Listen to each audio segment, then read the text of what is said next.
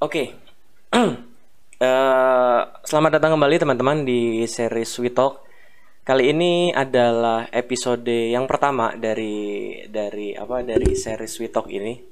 Jadi di sini saya mau minta pendapat dulu nih buat teman-teman. Tadinya di episode pertama saya mau buat tentang journey saya trading dari awal saya kenal saham sampai dengan sekarang. Seperti apa?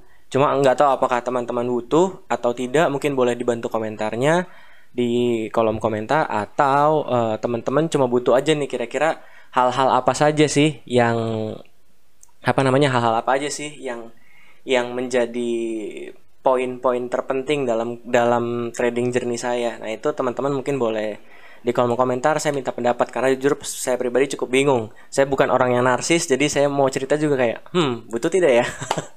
Oke, jadi langsung aja di episode yang pertama ini saya mau sharing mengenai hal yang pernah menghancurkan saya dalam trading yang membuat modal saya mungkin tergerus puluhan persen itu adalah apa? Nah, semua itu bermula ketika waktu itu uh, mungkin sekitar beberapa bulan setelah saya trading dan saya mengenal yang namanya limit trading. Jadi bagi bapak ibu yang nggak tahu, limit trading itu, jadi kita bisa pinjam uang ke sekuritas. Misalkan, saya punya uang 10 juta, saya bisa beli saham senilai 30 juta. Itu namanya limit trading, 20 jutanya uh, ngutang ke sekuritas, kasarnya seperti itu.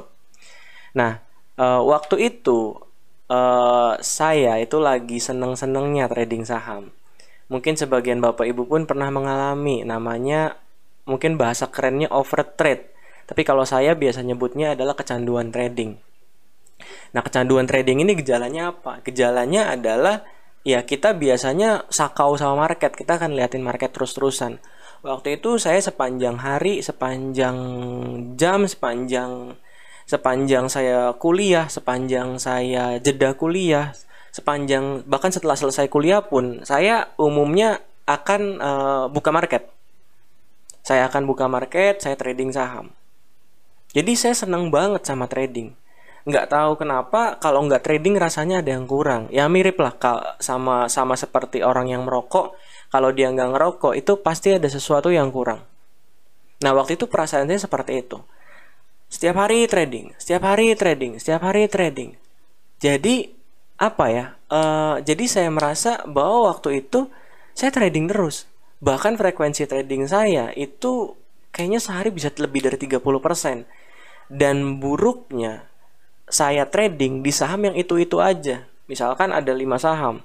Habis masuk saham A, belum kena target profit, belum kena stop loss, tiba-tiba lihat saham B mau naik, pindah saham B.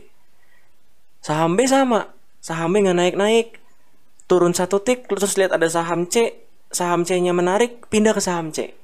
Jadi gitu terus. Gitu terus. Sampai akhirnya equity-nya tergerus. Equity tergerus pelan-pelan, equity-nya tergerus pelan-pelan. Dan lagi waktu itu karena baru kenal margin, waktu itu sangat semangat pakai margin. Again, diri saya greedy. Diri saya serakah. Saya pikir, wah saya punya uang 10 juta, saya kalau pinjem margin jadi 30 juta, kalau 10% saya udah dapat 3 juta. Itu yang saya pikirkan. Pikirannya sangat polos, pikirannya sangat apa ya? Ya sangat polos lah, pikirannya sangat polos, nggak mikir jauh. Saya lupa bahwa kalau saya loss, kalau saya loss, kalau saya rugi 3 juta, itu saya udah rugi 30% dari nilai portofolio kalau pakai limit. Kalau pakai limit. Nah, jadi waktu itu saya seperti itu. Beli pakai margin. Udah over trade, beli pakai margin. Baru turun satu tick, oke okay sih, setik cuma satu persen turunnya. Tapi kan satu persen karena pakai margin kan berdampak sekitar 3% dari total equity. Kalau misalkan kita pakai pakai margin dan loss. Nah, itu yang menghancurkan saya itu yang menggerus equity saya cukup besar. Itu yang menggerus equity saya cukup besar.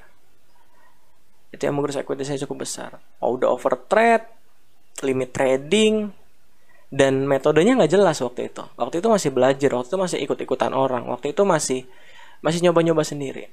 Itu sih hal hal yang apa hal yang paling saya ingat yang yang cukup menghancurkan saya di di market. Over trade udah over trade pakai limit Terus solusinya seperti apa? Solusinya seperti apa? Waktu itu solusinya adalah saya diam, saya tutup market, saya diam, dan saya merenung waktu itu. saya merenung bahwa uh, sepertinya ada yang salah dari kegiatan trading saya.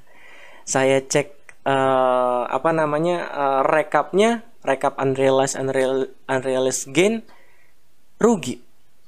Jadi saya ini trading mau ngapain waktu itu saya bilang. Saya trading mau ngapain? Saya trading kok kayak kayak kecanduan narkoba saya bilang. kecanduan kayak kecanduan narkoba saya bilang saya trading terus waktu itu akhirnya saya berhenti dari market dulu mungkin sekitar dua minggu kalau nggak salah saya berhenti dari market dua minggu saya memperbaiki apa yang perlu saya perbaiki dalam hal ini waktu saya lagi kuliah dan waktu itu nilai kuliah saya cukup berantakan IPK-nya di bawah di bawah rata-rata di bawah rat, bu, bukan sorry bukan di bawah rata-rata tapi di bawah uh, syarat yang ditentukan karena saya dapat beasiswa kan jadi saya harus menjaga indeks prestasinya supaya berada di level tertentu. Waktu itu saya gagal. Saya gagal, saya ngurusin banyak hal, tradingnya saya tinggalin dulu, saya ngurusin banyak hal, saya saya jernihin dulu pikiran saya. Waktu itu goal trading saya apa uh, dan segala macam. Intinya waktu itu saya lebih ke refleksi diri lah bahwa ya sesuatu ada yang salah sama diri saya. Karena waktu itu trading nggak untung uh, malah tradingnya rugi. Seperti itu. Setelah dua hari eh du, dua minggu waktu itu saya diem dari market saya nge-freeze dari market saya balik ke market dengan motivasi yang baru. Saya balik ke market dengan apa ya? Hmm, dengan dengan cara cara pandang yang baru bahwa ya di saham itu jangan mau cepat kaya. Waktu itu saya pakai margin waktu eh sorry saya pakai limit waktu itu saya pakai uh, saya over trade karena pikiran saya mau kaya saya dulu berpikir, oh kalau satu persen nyari di market satu hari, 30 hari jadi 30 persen. Yang dipikirnya selalu hal-hal yang enak terus. Yang dipikir selalu hal-hal enak. Untung. Kalau kalau kalau sah kalau beli saham di harga 100 terus harga 130 saya untung 30 persen. Tapi waktu itu saya nggak pernah mikir bahwa saham juga bisa turun. Waktu itu saya nggak pernah mikir resikonya apa. Resikonya apa. Nah dari sini saya harap teman-teman bisa belajar bahwa overtrade apalagi pakai margin atau pakai limit trading itu sangat berbahaya untuk keamanan modal Bapak Ibu semua. Saya pernah mengalaminya kemarin waktu saya lagi ke Bali bulan April. Ya, saya lagi ke Bali bulan April. Uh, ada satu bapak-bapak datang ke tempat saya, ke hotel saya. Bapak datang ke hotel saya, terus dia cerita, bahwa awalnya dia trading, dia awal trading, dia masuk bursa, marketnya kebetulan lagi bullish, lagi bullish tinggi. Lagi bullish tinggi, lalu dia trading dari saya lupa dari modal berapa jadi berapa, intinya dia untung banyak deh, untung puluhan persen dalam waktu beberapa bulan saja. Dari situ muncul namanya overconfidence. Kenapa? Mikir, oh nyari uang gampang. Nyari uang di saham mudah banget. Waktu itu kan yang kita rasain seperti itu. Nyari uang di saham gampang. Bahkan pernah ada yang nanya, Pak kalau saya mau jadi full time trader gimana? Ini kayaknya nyari duit di market gampang banget. Nah muncul over, overconfidence. Overconfidence, setelah overconfidence naik ke step berikutnya. Overtrade. Karena mikir nyari uang gampang di market, lalu jatuhnya overtrade. Oke, semakin banyak saya trading, semakin banyak saya dapat untung itu yang yang ada di pikiran bapak itu waktu itu. Atau mungkin di pikiran teman-teman bapak ibu juga. Nah setelah overtrade kenal margin atau kenal limit trading itu yang paling bahaya. Itu yang paling bahaya. Nah bapak itu mungkin sekitar 80% dari total equity-nya itu sudah tergerus karena pakai margin. Pakai besar pakai limit. Limit sama margin band ya. Pakai limit trading. Setelah itu beliau overtrade habis modalnya. Tinggal sisa berapa belas persen doang seingat saya. Dia bilang. Seperti itu. Jadi itulah kengerian dari uh, overtrade dan uh, limit trading. Itu yang menghancurkan saya. Dan mungkin menghancurkan beberapa uh, bapak ibu yang ada di sini saja. Eh yang ada di sini yang ada nonton video ini. Seperti itu. Nah, ya I hope dari dari apa yang saya ceritakan bapak ibu bisa belajar untuk berhati-hati menggunakan fasilitas yang disediakan oleh sekuritas. Untuk berhati-hati, uh, jangan terlalu pede di market, jangan terlalu overconfidence di market. Sadari bahwa di market itu kita bisa salah, kita bisa kalah. Sadari hal tersebut. Itu yang paling penting, itu yang saya saya pelajari selama ini. Jadi sekarang kalaupun saya loss ya saya sudah tahu saya akan loss berapa dan saya sudah siap terima hal tersebut. Seperti itu. Nah, itu adalah hal yang menghancurkan saya dalam trading. Semoga Bapak Ibu bisa bisa belajar dari ini, ambil baik, buang negatifnya. Kalau ada saya salah kata saya mohon maaf, tapi itu yang bisa saya share terkait overtrade dan uh, margin. Jadi itu dua hal yang menghancurkan saya dalam trading di di di apa namanya di awal-awal. Sekarang saya udah jarang pakai margin. Sesekali doang pakai eh, limit trading. Sesekali doang pakai limit trading. Seperti itu. Nah, gitu Bapak Ibu semua. Uh, silakan kalau ada yang mau bertanya atau diskusi di bawah di kolom komentar, saya sangat terbuka.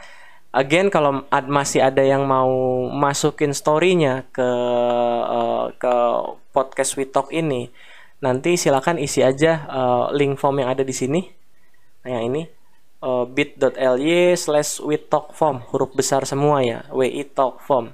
Nanti yang terpilih kita undang untuk uh, Zoom live di record eh Zoom live Zoom meeting di record nanti akan diupload ke YouTube buat buat ceritanya bisa jadi uh, pelajaran buat uh, Bapak Ibu semua seperti itu. Oke. Okay?